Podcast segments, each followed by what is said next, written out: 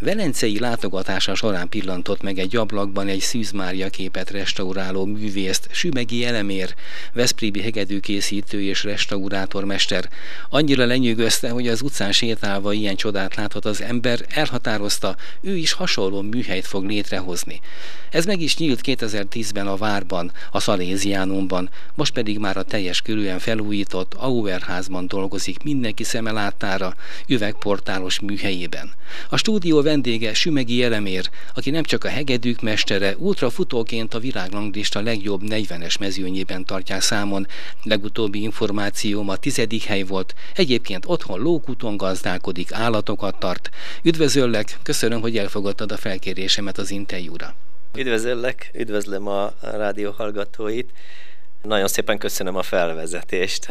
Valóban ilyenkor az ember, mikor hallja, akkor döbben rá, hogy mennyi mindent is csinál. Ez a hétköznapokban pedig így, így elillan, hogy, hogy reggel korán kelek, és aztán teszem egész nap a feladataimat, és aztán nyugtával zárom a napot, de még akkor egyszer fölfutok a lovaimhoz, megnézem őket, hogy Természetesen.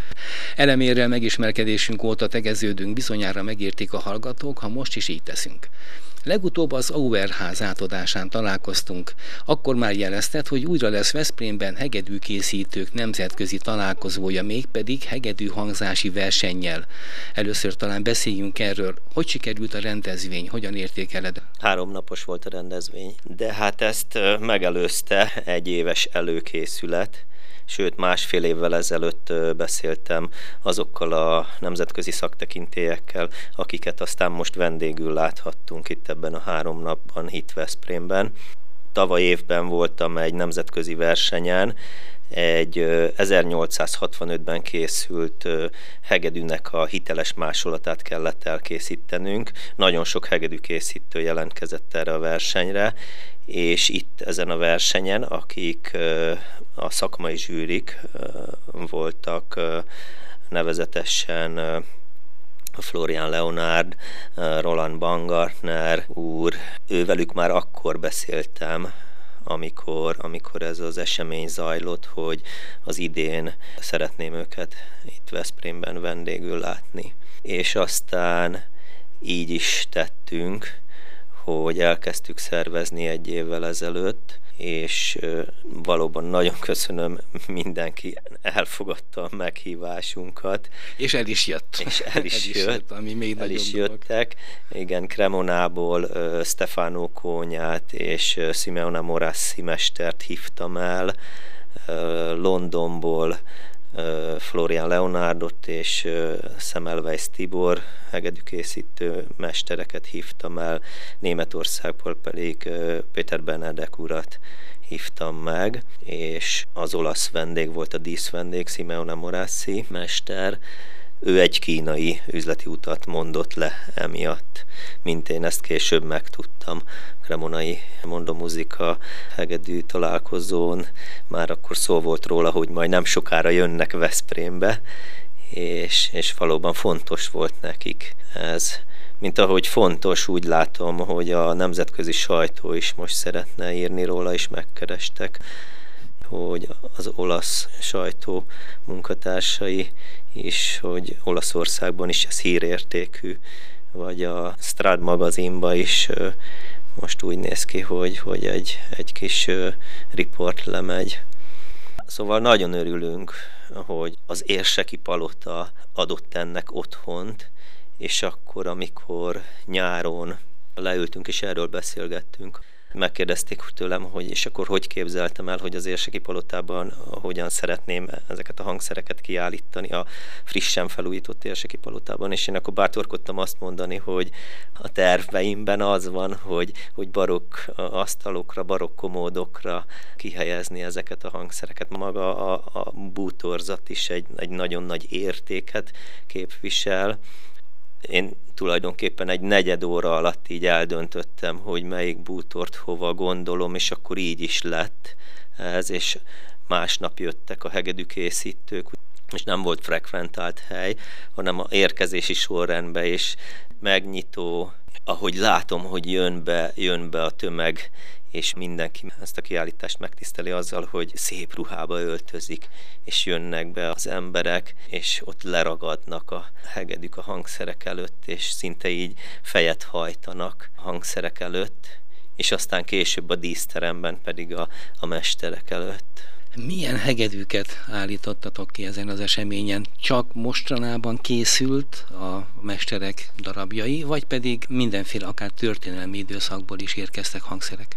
Igen, újonnan, újonnan elkészített hangszereket állítottunk ki, és azt találtam ki, hogy, hogy ugye a zenészeket is vártuk erre a rendezvényre, és akkor vonókészítőket is meghívtam az eseményre, és igen, felajánlottuk azt, hogy ezeket az új hangszereket, ezeket ki lehet próbálni, és jöttek is fiatalok, idősebb generáció, és emelték le a konzolokról, és az új vonókkal az új hangszereket kipróbálhatták. Nekik ez, ez nagyon nagy élmény volt, és nekünk is, hogy közben az Érseki Palotában Csajkovszki hegedű versenyt hallhattunk, csak így random, és ezek mind előadás előtt, előadás közben is szóltak, szóval olyan jó hangulat volt ez alatt a három nap alatt, de természetesen ott volt bennem, hogy, hogy másnak az értékére vigyázni. Ugye ez, ez sok millió forint érték van ott egy helyen, és, és aki megtisztel azzal, hogy átadja nekem a, az újonnan készült hangszerét vagy hangszereit, amire én három napon keresztül vigyázok, és, és hogy ne történjen semmi baj.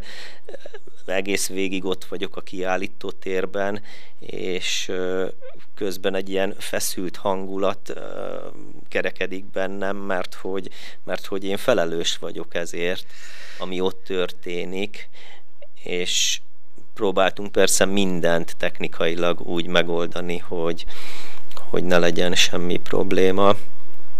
És aztán hál' Istennek így is lett, hogy abszolút, abszolút minden, minden tökéletesen ment. És maga, maga engem a hangulata fogott meg ennek a, ennek a rendezvénynek, mert, mert közben meg jól éreztem magam a, attól függetlenül, hogy egy nagy felelősség volt rajtam. Ez mindig egy kis teher egyben. Mindig bármi történhet, akár óvatlan mozdulat, egy ilyen értékek. Igen, is. ezeket kiküszöbölve például a, a ruhatárat kértem, és akkor, hogy a turista, amikor megérkezik, és ö, odaér, akkor a hátizsákkal nem jöhet fel, mert ugye annyi ember mozgott ott a hangszerek között, hogy, hogy ezt csak így tudjuk megoldani. Mit emelnél ki a kiállításon kívül a rendezvényből? Számodra mi adott a legtöbbet? Ugye voltak előadások? Igen, igen, előadásokat terveztem, és aztán minden, hál' Istennek így a terv szerint ment. Ugye kiállítás megnyitó, ünnepélyes kiállítás megnyitó, a Sixtus atya beszélt, a Veszprém város polgármesterét kértem meg, hogy fogadja az ide érkező hegedűkészítőket. A Magyar Hangszerész Szövetség elnökét kértem meg, hogy hogy most lehetőség nyílik arra, hogy a magyar hegedűkészítést, mint, mint, mint mesterség, mint művészet, hogy ezt most igen, itt a nemzetközi szinten megmutathatjuk. És a végén kihívtak, és egy, egy, egy kis díjat adományozott a Magyar Hangszerész Szövetség, hogy amin az áll, hogy a magyar hegedű készítésért kaptam ezt a díjat Magyar Hangszerész Szövetségtől, és komolyan annyira, annyira meglepődtem, meghatódtam, de a beszédemben ez hangzott el, hogy egy ember, aki lovakat tart, és lovakkal fut, az előbb-utóbb ultrafutóvá válik, mert hogy én edzem a lovakat, de közben arra jövök rá menet közben az évek alatt, hogy ők treníroznak engem tulajdonképpen. Ez kölcsönös. kölcsönös. És együtt futok velük, és és előbb-utóbb ultrafutóvá válsz, és amikor a nemzetközi versenyen a hat nap alatt közel 600 kilométert futottam, vagy tudtam magam mögött, akkor célba érve egy nagyon nagy öröm, boldogság, egy, egy hetekig tartó ilyen lebegő érzés, és hogy most is ezt érzem, hogy, hogy egy év munkája benne van ebben a találkozóban, és hogy köszönhetek itt magam előtt 30 hegedű készítőt. Ez számomra nagyon nagy dolog. Ez is egy ilyen pillanat volt, amikor így ilyen euforikus érzés, vagy a következő nap a hegedű hangzási versenyen, amikor magam elé teszek 16 hegedűkészítőnek a, az újonnan elkészült hangszerét, és megkértem Philip Zuckerman hegedűművészt, aki a Juilliard Schoolban végzett, hogy szólaltassa meg a hangszereket, először óckodott ettől, hogy, hogy most ezt én hogy képzeltem el. Hát úgy képzelem el, hogy, hogy megvan a darab a fejemben, hogy mit szeretnék, jelen esetben a Brooks Game hegedű versenyből egy részlet volt a fejemben, hogy, hogy ezt az G hurron kezdődik, és akkor így szépen végig jön a futam, és, és ez ilyen kicsit ilyen varázslatos, csak most ezt 16-szor meg kell hallgatni és ugye meghirdetem, előtte ilyen kis filmeket gyártottam, hogy, hogy lesz nemzetközi találkozó, lesz hegedű hangzási verseny, lesznek szakmai konferenciák, és akkor amikor a, a kisfilmet gyártottam a hegedű hangzási versenyről, akkor láttam, hogy úristen, ezt milyen sokan megnézik, meg milyen sok embert érdekel, és akkor én már így számítottam rá, hogy, hogy itt valóban sokan lesznek. És így is lett, így is lett. A te hegedűd nem volt köztük? Én, az én hegedűmet nem, nem rakhattam bele. Hát nem ez csak én tudtam, hogy uh, melyik hegedűhöz uh, melyik szám párosul. Uh, én raktam, én adtam a, a, a művész kezébe, és igen, én a paraván mögött voltam, és, és néhány hangszeren csodálkoztam, hogy úristen, hogy, hogyha én most pontozhatnék, akkor, akkor na most akkor erre. És, és nem néztem meg a nevet, meg nem néztem meg, hogy én csak, én csak elemeltem a, az asztalról, és átadtam a művésznek. Nemzetközi mezőny vett részt a versenyen? Abszolút, abszolút. Nyolc országból jöttek hegedűkészítők és művészek, és abszolút nemzetközi, nemzetközinek mondható, és milyen érdekes, hogy egy magyar hegedűkészítő nyerte meg. Ezt most tudtam meg egyébként, amikor találkoztunk, éppen egy hívásod volt a telefonodon. Igen. És beszélgettetek, letetted, hogy most interjú lesz, és kérdeztem, hogy egy kolléga? Hát ő nyerte a hegedű hangzási versenyt Veszprémben. és magyar ezek és szerint? Magyar. És magyar. Rácz Pálnak hívják a magyar hegedűkészítőmestert. Ő hol dolgozik? És Budapesten, Budapesten, Budapesten az akadémiával szemben van a műhelye, és egy ilyet végigvinni egy személyben, persze kijelöltem, a Stefano Kónya volt a versenyigazgató, a Guminár Tamás a Magyar Hangszerés Szövetség elnöke pedig az egészet koordinálta, de, de én voltam az, aki aki összeállítottam, és sorba állítottam a hangszereket, és, de ez csak így random, nem, mint hogyha egy kalapból kihúznánk. Nem volt, nem volt semmiféle, én legyek az első, és ez az eredmény született. Négy tagú számlálóbizottságot állítottunk össze, olasz, angol és magyar tagokkal, és, és ez az eredmény ez az eredménye, hogy egy magyar hegedűkészítő nyeri meg ezt a hegedű hangzási versenyt. A műsor vendége továbbra is Sümegi Elemér, Veszprémi hegedűkészítő és restaurátormester. Rengeteg róla szóló cikket találni a világhálón, a nevedet beírva a keresőbe, és mindenhol ott szerepel a családi indítatás fontossága. Én sem hagyom ki. Mit kaptál örökül nagyszülőktől, szülőktől? Mit kaptam örökül?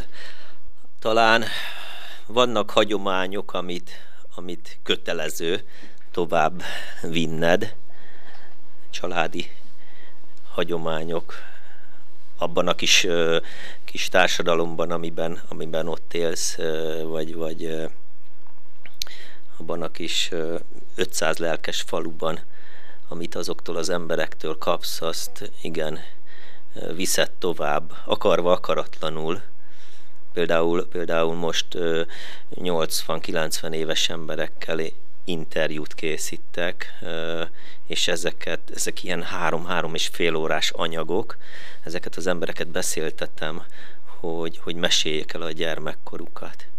És ezeket a hosszú anyagokat ugye többször meghallgatva, négyszer, ötször meghallgatom ezt, ezt a három órás anyagot, és abból egy 5-10 perces kis filmet készítek, úgyhogy amikor, amiről beszél, elmegyek a helyszínre, külön snitteket fölveszek, zenét alávágok, elkérek családi fotókat, azokat belevágom ezekbe a kis képekbe, és nagyon érdekes dolgokat mesélnek ezek a 90 éves emberek, kimondják a szavakat, és valahol, valahol nekem is egy ilyen kvázi tisztulás. Ők mind lókutiak. Ők mind valószínű. lókutiak, igen, igen, egy igen. Ilyen ö, ők, ők abszolút, történeti abszolút ilyen 1750-es évekbe jöttek az őseink oda lókutra, és és ők is, ők is mind, még, még, még ilyen rokoni szálak is kötnek egymáshoz bennünket és nagyon érdekes, ugye a tegező viszony van, ők, ezek az idős nénik bácsik engem tegeznek, és, és így, így, így kinyílva elmondanak olyan, olyan történeteket, ami, ami történelem, amit ők megéltek, átéltek. Hát részben, részben én is így kvázi kutatom a, a múltat, de hogy mit kaptam örök, örökül, a nagyapám egy ezermester ember volt, és egy nagyon jó pedagógus, és mindig ezt elmondom, hogy, hogy ő nem tudta magáról, hogy egy jó pedagógus, de engem, mint legkisebb unokáját mégis kézen fog, és bevisz a műhelybe, és megmutatja a faanyagokat, megmutatja, hogy hogy kell a szerszámokat használni, aztán rárajzol valamit a, a deszkára, körbefűrészeli, kifaragja, és, és egy, egy, egy pici gyereknek mi kell több, hogy azt látja, hogy, hogy a nagypapája a, a nagy tenyerével ilyen csodákat művel. De közben ő is állatokat tart, cipőt javít, létrát készít, ilyen, ilyen igazi ezermester, amiből ma már nagyon kevés van aztán kivisz a mezőre, ott megmutatja a gombafajtákat, ott még lábon megmutatja, hogy melyik fa, milyen típus juhar, gyertyán,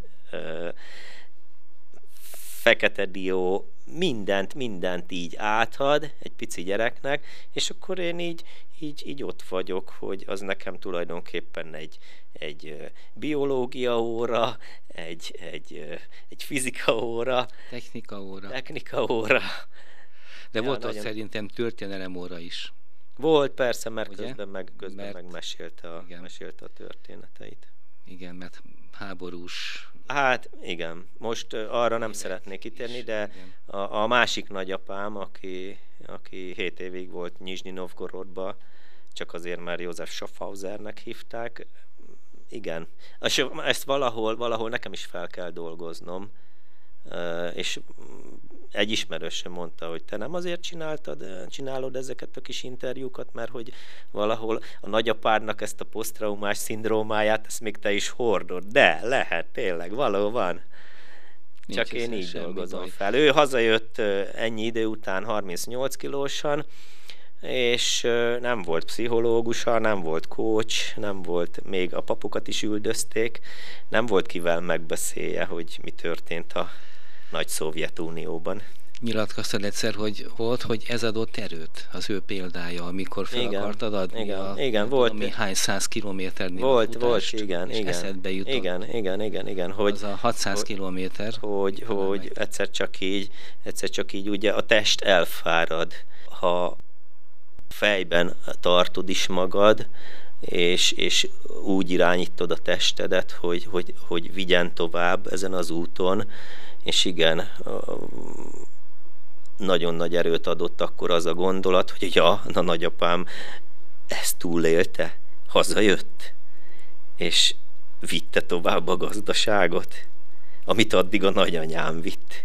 Szóval ezt ma már így nem nagyon tudjuk elképzelni, hogy amíg a férfi a, a háborúban van és harcol, addig a, a sváb menyecske felesége viszi tovább ugyanúgy a gazdaságot.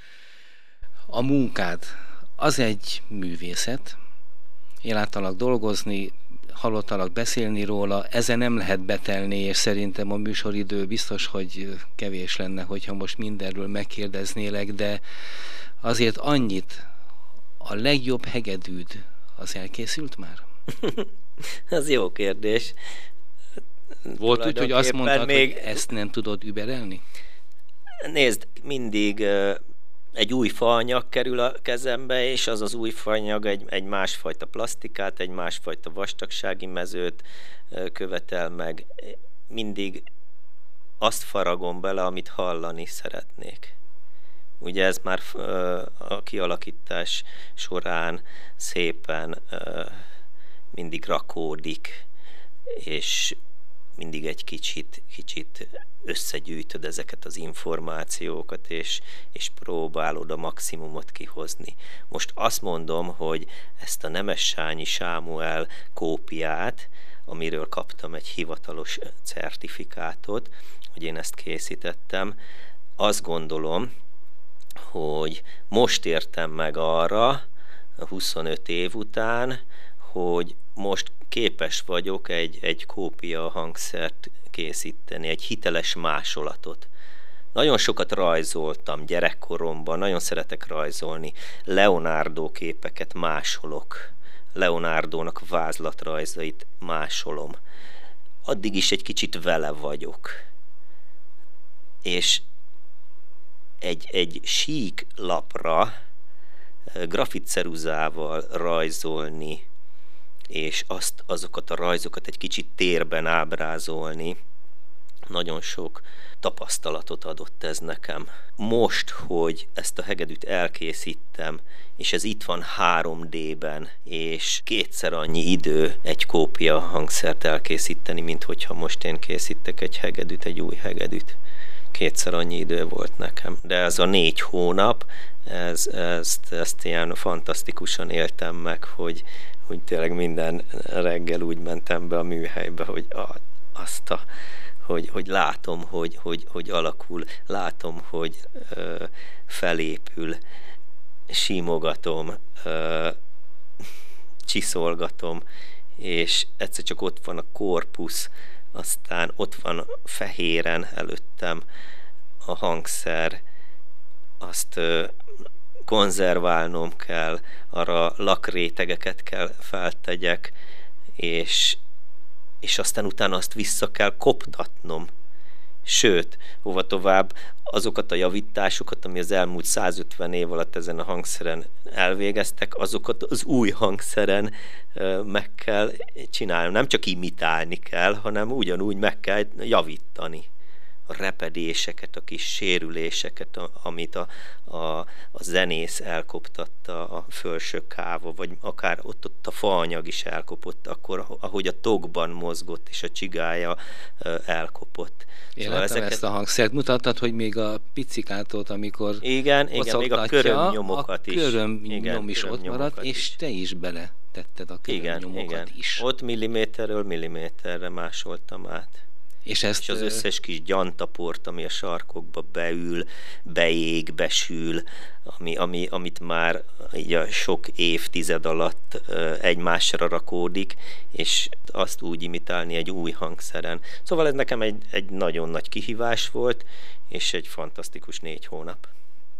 Nagy kár, hogy nem te nyerted meg ezt a versenyt, mert sajnos nem te nyerted meg. Nem én nyertem meg. Nem is értem, és, mai nap is sem.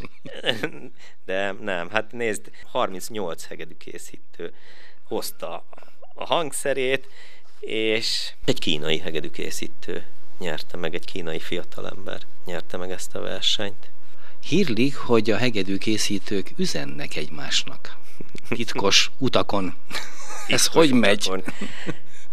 Hát ezt úgy kell elképzelni, hogy igen, igen, sok hangszert felbontok, és abban különböző üzenetek jönnek, vagy tárulnak elém. És ez, ez is egy nagyon érdekes, hogy Tóth Jánosnak a, a lánya, Tóth Tézi, aki az apja műhelyében dolgozott, javította ezt a hangszert, amit felbontottam, és most én ennyi év után újból javítom, egy repedést kellett megjavítanom, és ahhoz fel kellett bontanom a hangszert, és kinyitom a hegedűt, és grafitceruzával jobb felső sarokba odaírta, hogy a földön élősködők közül a leggonoszabbak a férfiak.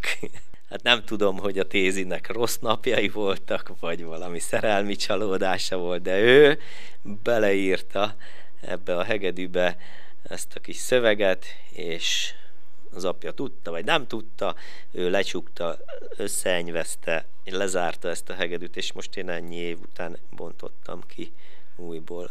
Te sajátos módon üzensz, mert te is üzensz. hát igen, egyszer, egyszer mondtam ezt egy újságírónak, hogy én úgy üzenek, hogy egy, egy szőke hajszálat beleragasztok egy megfelelő helyre, azt majd akkor, amikor felbontják, akkor látják, és akkor ez hogy kerül ide? Hát valószínűleg szőke hosszú hajú hegedű készítő úr, vagy hölgy, hát már nem tudom, majd ott a DNS teszten ott majd eldöntik, hogy dolgok. melyik századból és hogy honnan. üzentek. És hogy honnan. És hogy honnan Veszprémből. Mi lenne a záró gondolatod így a beszélgetés legvégén? Nagyon szépen köszönöm, hogy itt lehettem. Most még egy kicsit így lebegek, mert olyan jó vízhangokat hallok a városba, jövet menet.